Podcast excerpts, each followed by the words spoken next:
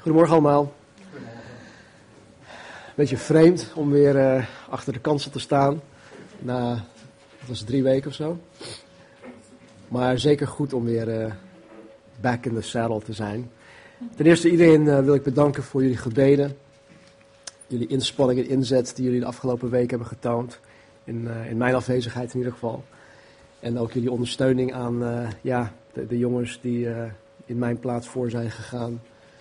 En uh, ja, ik zie toch dat, dat door dit soort gebeurtenissen, dat, um, dat God ons laat zien dat Hij alles onder controle heeft.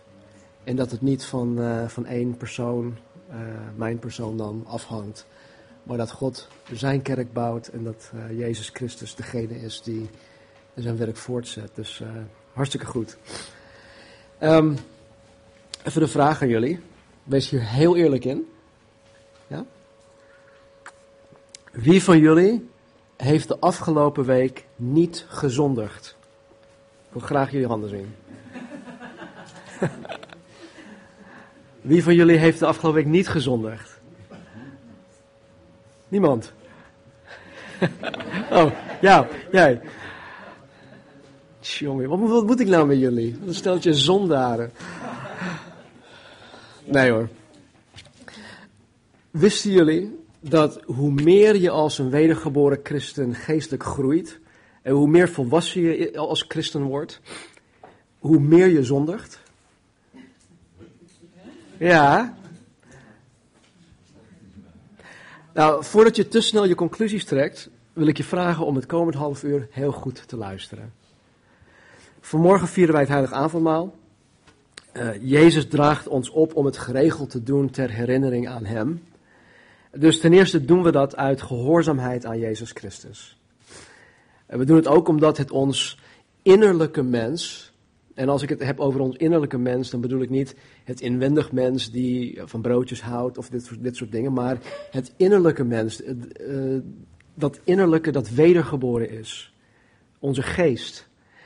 En we doen het om, om ons innerlijk mens te doen veranderen. Het, het verandert ons.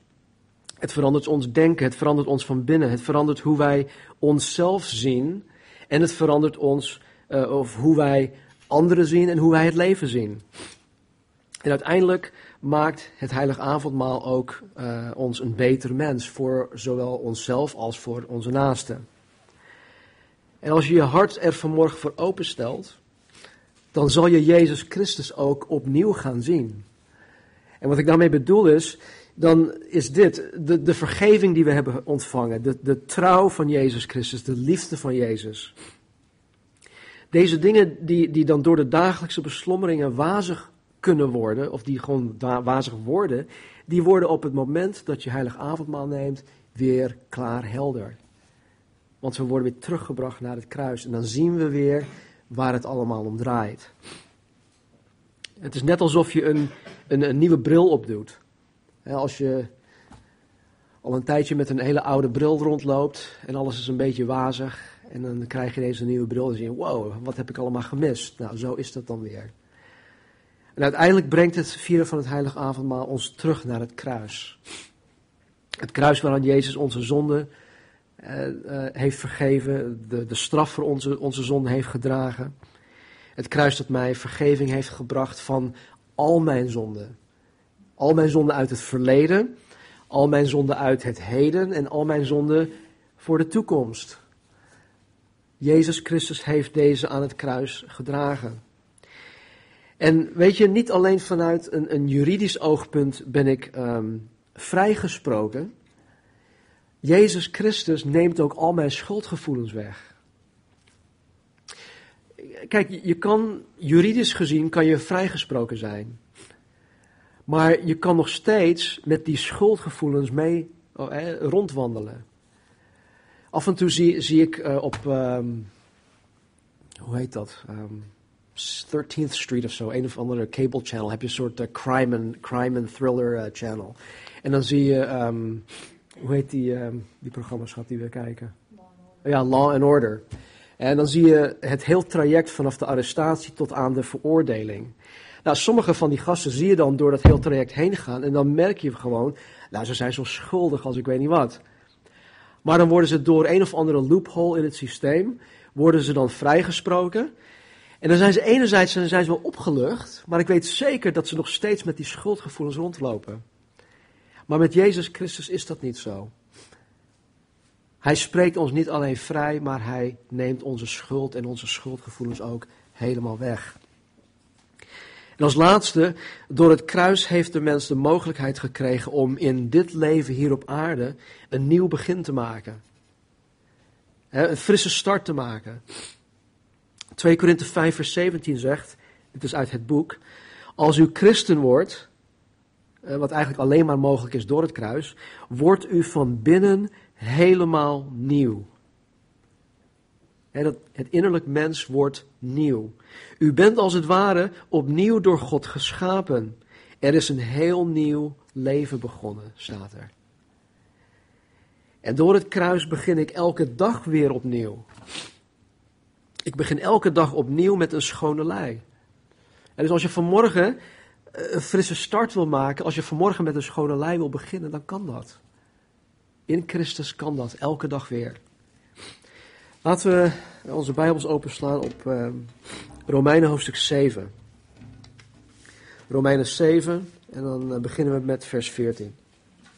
Romeinen 7, vers 14. Want wij weten dat de wet geestelijk is, Paulus spreekt hier, maar ik ben vleeselijk, verkocht onder de zonde. Wat ik namelijk teweeg breng, doorzie ik niet. Want niet wat ik wil, doe ik, maar wat ik haat, dat doe ik. En als ik dat doe wat ik niet wil, val ik de wet bij dat zij goed is. Nu ben ik het echter niet meer die dit teweeg brengt, maar de zonde die in mij woont. Want ik weet dat in mij, dat is in mijn vlees, niets goed woont. Immers, het willen is er bij mij wel, maar het goede teweeg brengen, dat vind ik niet. Want het goede dat ik wil, doe ik niet. Maar het kwade dat ik niet wil, dat doe ik. Als ik nu doe, als ik nu dat doe wat ik niet wil, breng ik dat niet meer teweeg, maar de zonde die in mij woont. Ik ontdek dus deze wet in mij. Als ik het goede wil doen, is het kwade dicht bij mij. Want naar de innerlijke mens verheug ik mij in de wet van God. Maar in mijn leden of in mijn lichaam zie ik een andere wet, die tegen de wet van mijn verstand strijd voert en mij tot gevangene maakt van de wet van de zonde die in mijn lichaam is of in mijn leden is. Ik ellendig mens, wie zal mij verlossen uit het lichaam van deze dood? Ik dank God door Jezus Christus onze Heer. Zo dien ik dan zelf wel met het verstand de wet van God, maar met het vlees de wet van de zonde. Tot zover. Zo'n 25 jaar na zijn bekering schrijft de apostel Paulus deze woorden. 25 jaar. Je zou haast denken dat Paulus zoiets had van, nou, eindelijk, na 25 jaar heb ik het christelijk leven eindelijk onder de knie. Eh, eindelijk heb ik grip op mijn leven. Eindelijk ben ik in staat om mijn zondig natuur meester te zijn. Na 25 jaar. Nou, het zou inderdaad fijn zijn als dat zo was. Maar laten we vanmorgen, eh, we gaan er heel snel doorheen. Maar laten we een, even een, een, een soort van close-up kijkje nemen naar hoe Paulus zichzelf ziet 25 jaar na zijn radicale bekering. Een soort van een, een, ehm, een assessment hè, van zichzelf. Vers 14. Hij zegt, wij weten dat de wet geestelijk is, maar ik ben vleeselijk, verkocht onder de zonde. Met andere woorden, de wet van God, waaronder ook de tien geboden, want er was nog geen Nieuw Testament op dat, op dat moment. Hij heeft het over het Oude Testament. Eh, dat, dat is iets dat alleen geestelijk te verstaan is. Jezus zei in, in, Johannes 3, in, Johannes hoofdstuk 3 tegen Nicodemus, een van de schriftgeleerden, dat tenzij je wedergeboren bent, kan je het koninkrijk niet binnengaan. Sterker nog, je kan het niet eens zien. Dus je moet wedergeboren zijn om Gods koninkrijk te kunnen zien. En, en het, de wet al Gods geboden, het woord van God, dat, dat is geestelijk te onderscheiden. Je kan het niet met vleeselijke ogen of beredeneringen verstaan. Het is niet te vatten. Dus hij zegt, de wet van God is geestelijk, ook de tien geboden. Het is een werk van uh, de geest van God. Hij heeft het tot ons uh, aan ons gegeven. Het is niet alleen um, geestelijk te verstaan, maar je hebt ook de Heilige Geest van God nodig om het überhaupt uit te kunnen voeren. Alles wat, wat er in Gods woord staat is onmogelijk voor de mens om, om uit te voeren. Dus we, moet, we moeten wedergeboren zijn. Hij zegt, want we weten dat de wet geestelijk is, maar ik ben vleeselijk, verkocht onder de zonde. Dus Paulus in zijn menselijkheid heeft deze zondige natuur van Adam geërfd. En wij ook. Wij zijn allemaal nog vleeselijk. Dus de wet van God is geestelijk, het is volmaakt, maar de mens is vleeselijk, de mens is verdorven. De mens is van God vervreemd. En dan zegt Paulus in vers 15, wat ik namelijk teweeg breng, dus wat ik doe, doorzie ik niet. Hij zegt, ik snap er helemaal niks van wat ik eigenlijk doe. Want niet wat ik wil doe ik, maar wat ik haat, dat doe ik. Met andere woorden, hij zegt, ik begrijp totaal niet waar ik mee bezig ben. Want ik doe niet de dingen die ik juist wil doen. De dingen die God behaagt, God gehoorzamen, uh, Jezus Christus navolgen. Die dingen doe ik juist niet. Maar wat ik haat, dat, dat doe ik. Ik denk dat wij dit allemaal wel eens meemaken. Ik maak het dagelijks mee. De dingen waarvan ik weet, joh, dit hoor ik te doen. En die dingen dan doe ik niet. En de dingen die ik juist niet hoor te doen, de dingen waarvan ik walg, ik, ik vind dat, dan, dan, dan doe, ik, doe ik dat soort dingen juist wel. En in vers 16 zegt hij, als ik dat doe wat ik niet wil, val ik de wet bij dat zij goed is. Als christen zijnde wil Paulus de dingen die God bedroeven niet doen. Ik, ik geloof eh, dat, dat wij dat allemaal niet willen. Wij willen de dingen niet doen die God bedroeven. Maar wanneer hij deze dingen deed, dan zegt Paulus niet zoals sommigen vandaag de dag zeggen, dat Gods geboden stom zijn. Nee, hij, hij geeft toe dat Gods geboden juist goed zijn. Mensen die, die God niet willen behagen, of mensen die gewoon lak hebben aan God, die zeggen, ja, Gods geboden, joh, dat boeit me allemaal niet, dat ze zijn zo stom. Maar iemand die van God houdt, die weet gewoon dat Gods geboden goed zijn.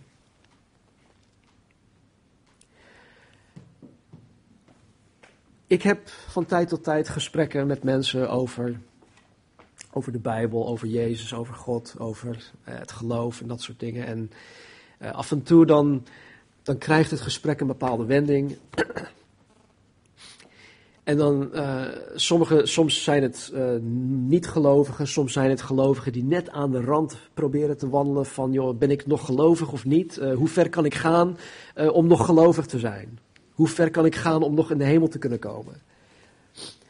Nou, als ik met, met, met dat soort mensen praat, dan merk je gewoon dat, dat zij vinden dat Gods woord niet, niet reëel is ja, dit is, dit is anno 2011. Uh, eh, dat, is, dat is niet meer voor de, van deze tijd. Hoezo kan ik niet meer, hoezo kan ik niet samenwonen met mijn vriendin of met mijn vriend? Of hoezo kan ik geen seks hebben buiten het huwelijk?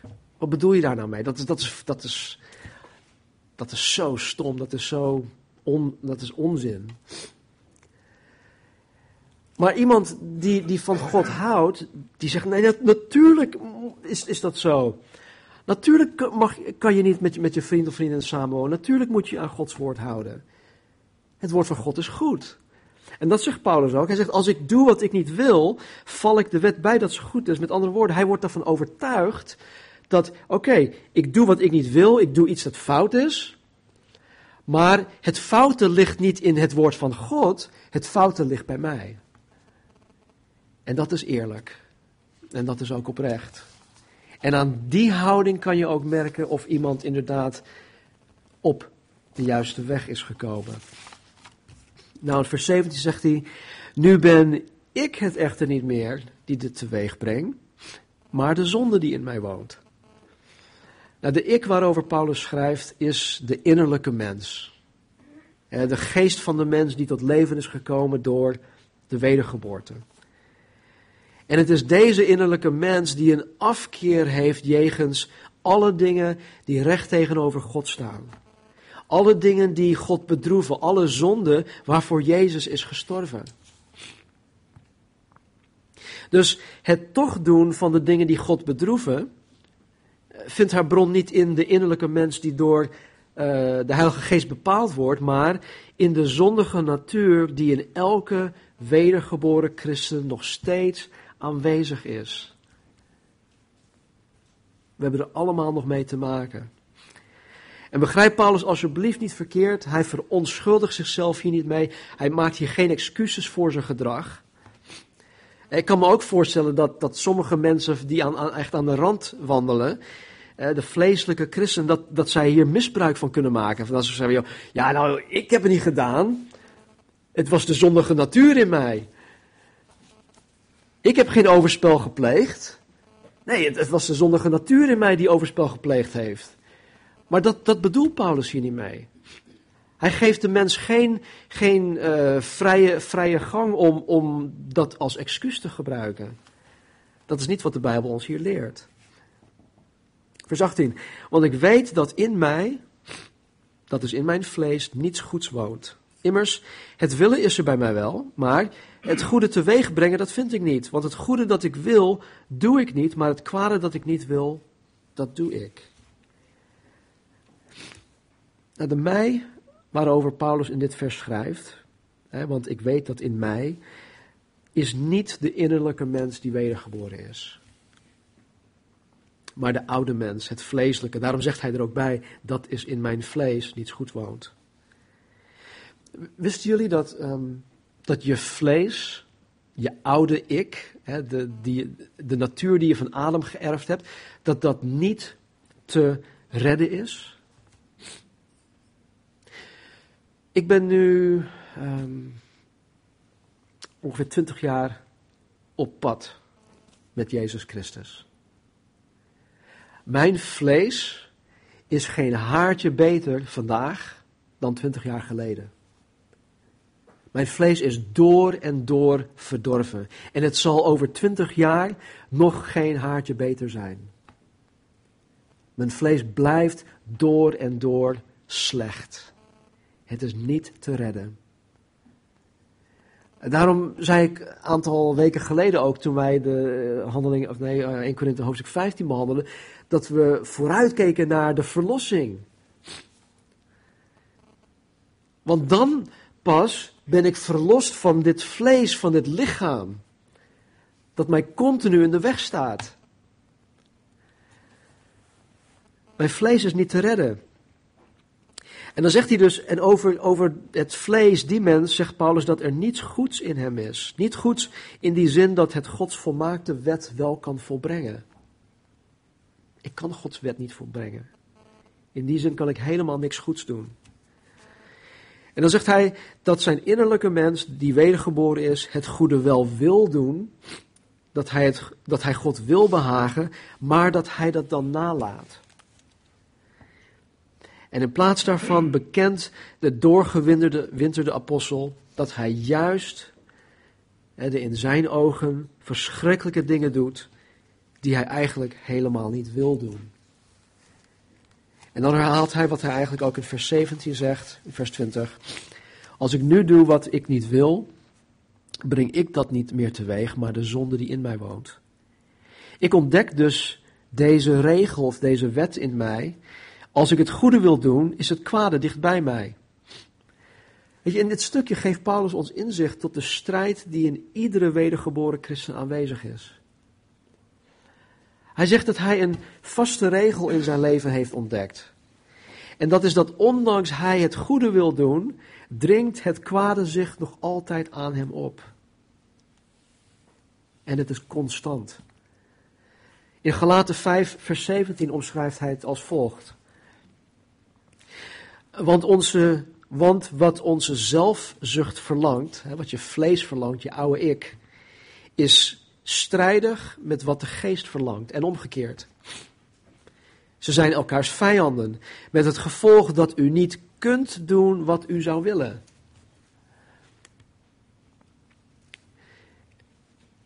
Weet je, dit is een strijd die ik elke dag ervaar.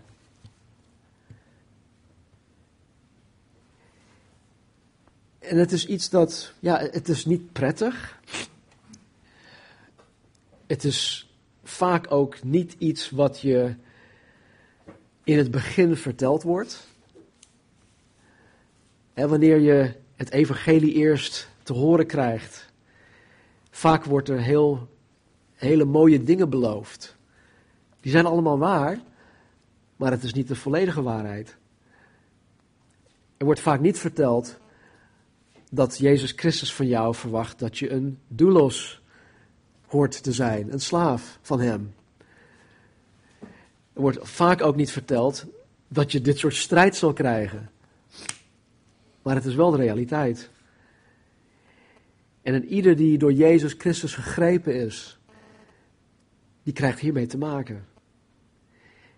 En ondanks dat het lastig is, ondanks dat het heel moeilijk is en pijnlijk is, is het, is het miljoenen malen beter dan Jezus Christus nooit gekend te hebben. Want, vers 22, naar de innerlijke mens verheug ik mij in de wet van God. Weet je, de, de, de wedergeboren innerlijke mens van Paulus verheugt zich in de wet van God. Hij wil niets anders doen dan Gods geboden naleven.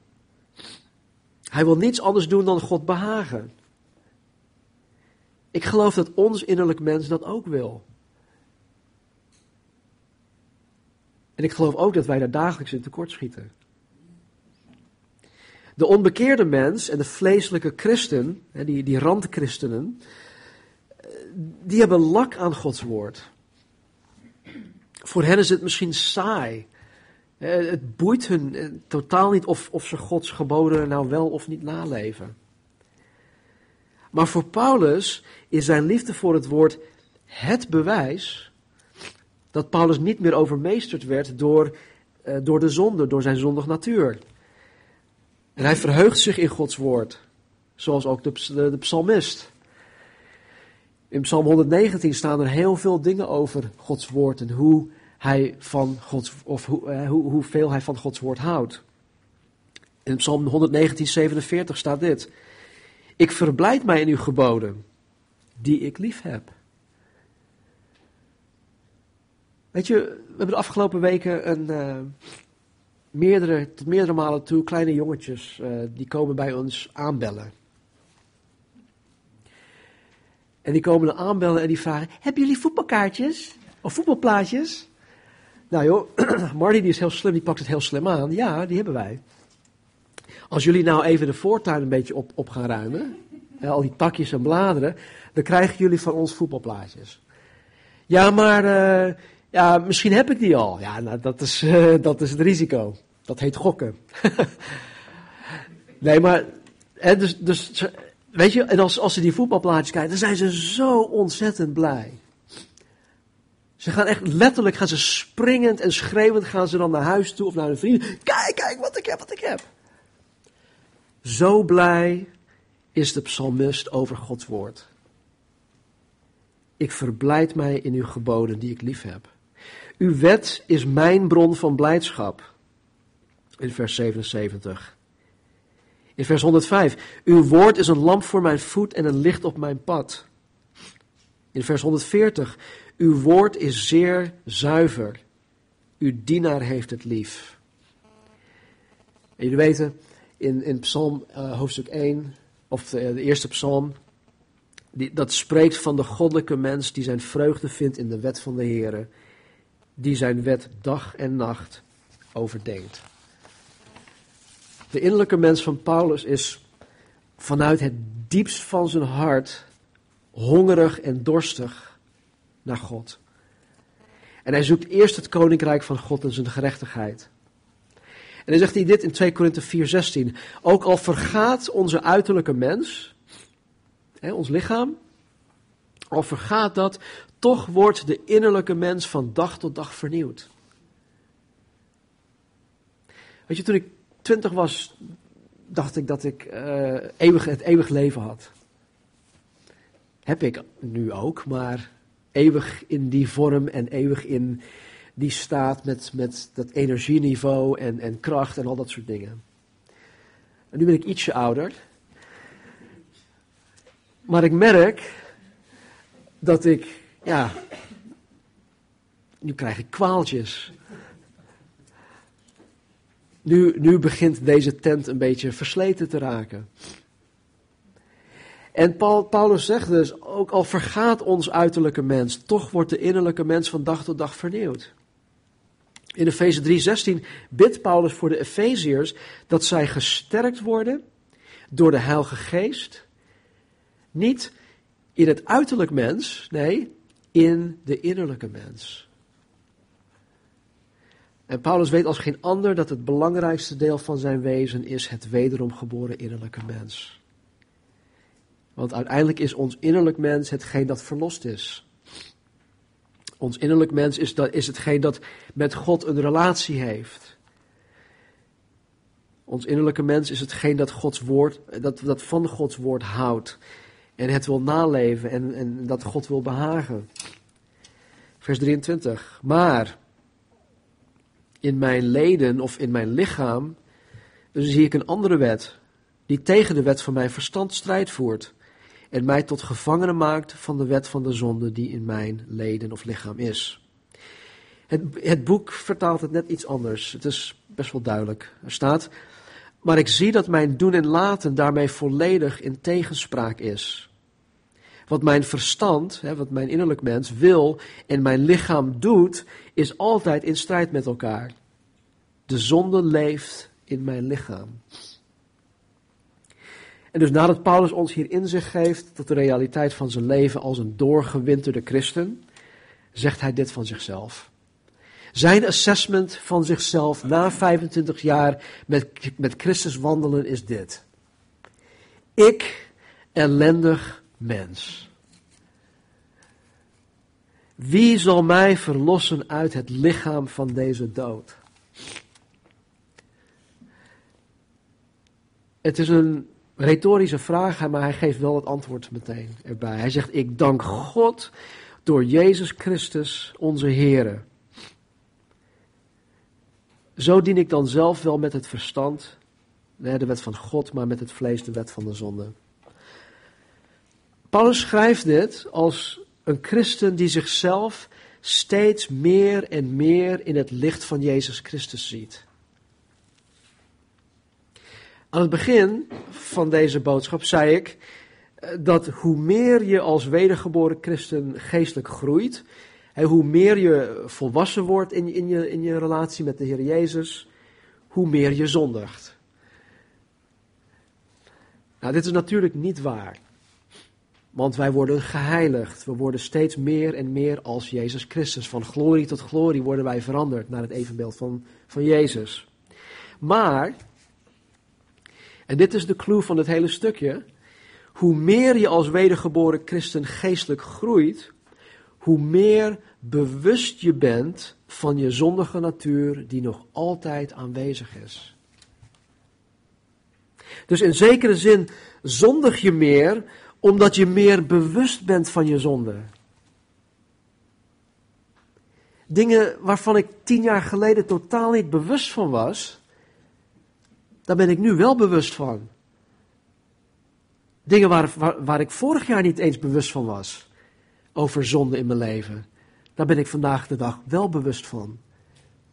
Dus hoe, hoe meer ik groei, hoe, hoe meer progressie ik, ik, ik maak in mijn, in mijn christen zijn, hoe meer ik tot het besef kom dat, dat ik een, een, een hulpeloze zondaar ben. En vandaar is het, het het, het vieren van het heilige avondmaal zo belangrijk. En we beseffen dat wij zondig zijn. En daarom waarderen wij des te meer Gods vergeving.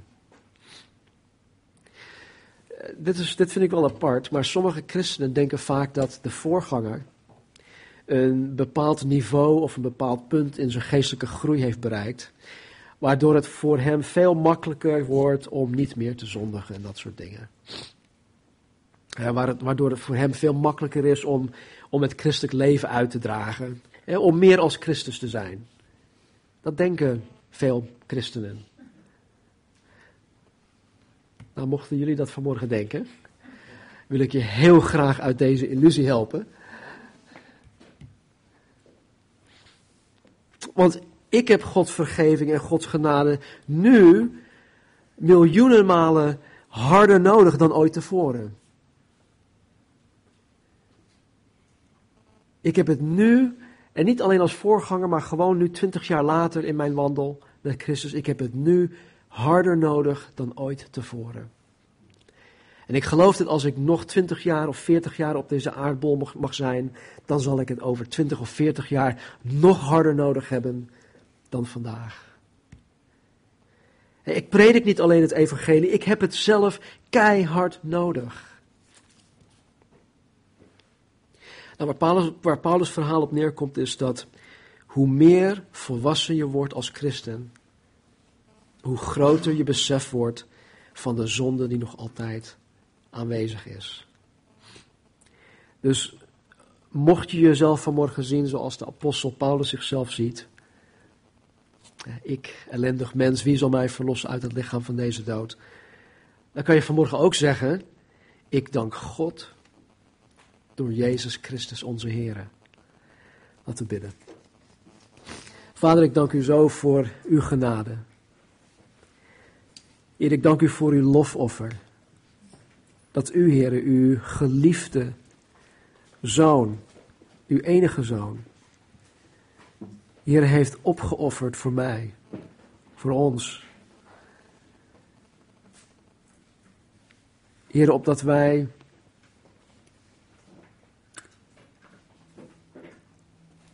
toegang kunnen krijgen, Heer, tot, tot uw troon der genade. Opdat wij een relatie met u mogen krijgen en en, en niet alleen krijgen, maar daaraan werken en bouwen.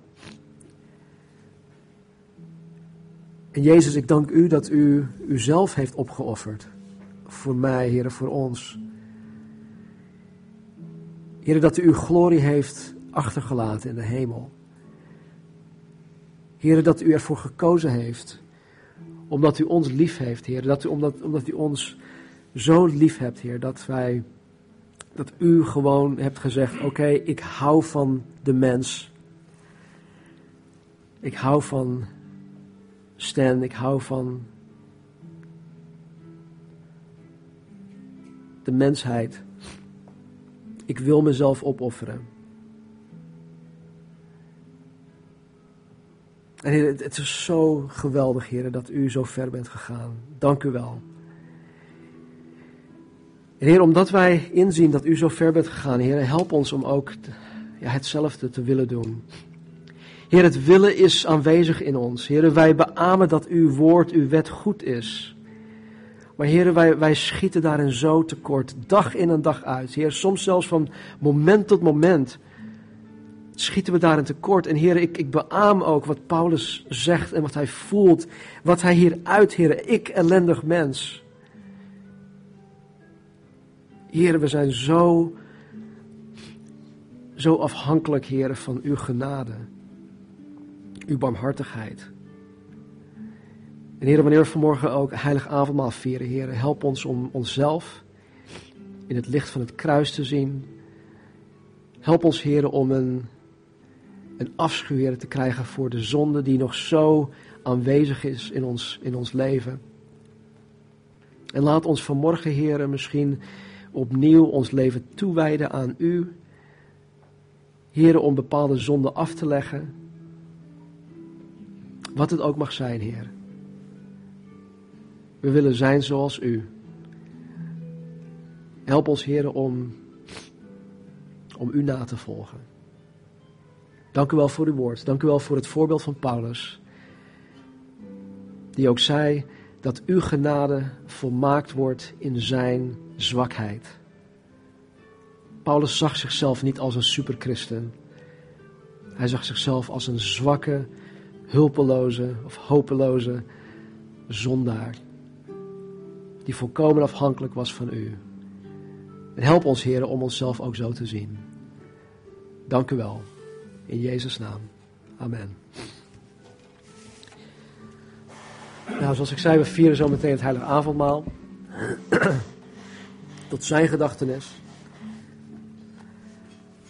We vieren dit zodat wij stilstaan bij datgene wat Jezus voor ons gedaan heeft. En niet toen. En voor ons is, voor sommigen van ons is het moment van onze wedergeboorte 20 jaar terug. Voor anderen misschien nog langer. En het is goed om terug te kijken, maar wij zijn nu nog steeds zondaren. En ik had vanmorgen gevraagd van, joh, wie van jullie hebben afgelopen week niet, niet gezondigd? Nou, ik ben blij dat jullie allemaal eerlijk waren. Maar we hebben vergeving nodig. Ook voor morgen. Niet alleen toen. En morgen zullen we het ook nodig hebben. Dus wanneer je het brood en de druivensap tot je neemt, sta stil bij het offer van Jezus. En als je Jezus gelooft met heel je hart, kom gewoon, neem deel. En terwijl het aanbiddingsteam ons in een aantal liederen zal leiden, neem gewoon even de tijd om vanuit je plaats even um, met God te praten. Ben je bewust van je zonde, beleid ze aan God. Zet dingen recht, maak het goed, vraag God om vergeving. Weet je, een hele mooie belofte in 1 Johannes 1 vers 9. Hij zegt, als wij onze zonde beleiden, Hij, God, is getrouw en rechtvaardig om ons de zonde te vergeven en ons te reinigen van alle ongerechtigheid.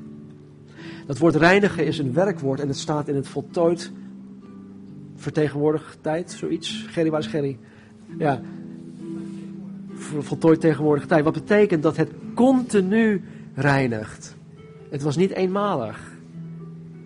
Dus het bloed van Jezus reinigt ons continu.